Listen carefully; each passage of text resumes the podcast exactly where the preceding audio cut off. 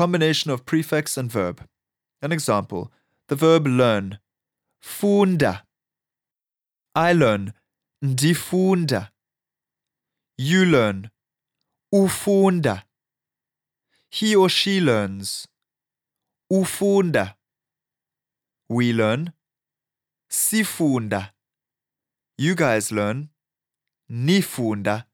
They learn, bafunda. Now, usually when I teach, I will keep us in this order where we're going in the singular, first person, second person, third person, as in I, you, he or she. And then we go into the plurals of the first person, second person, third person, which is we, you guys, they.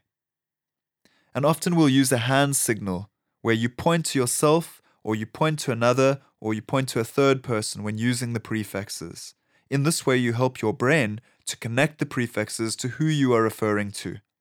You should learn this in class.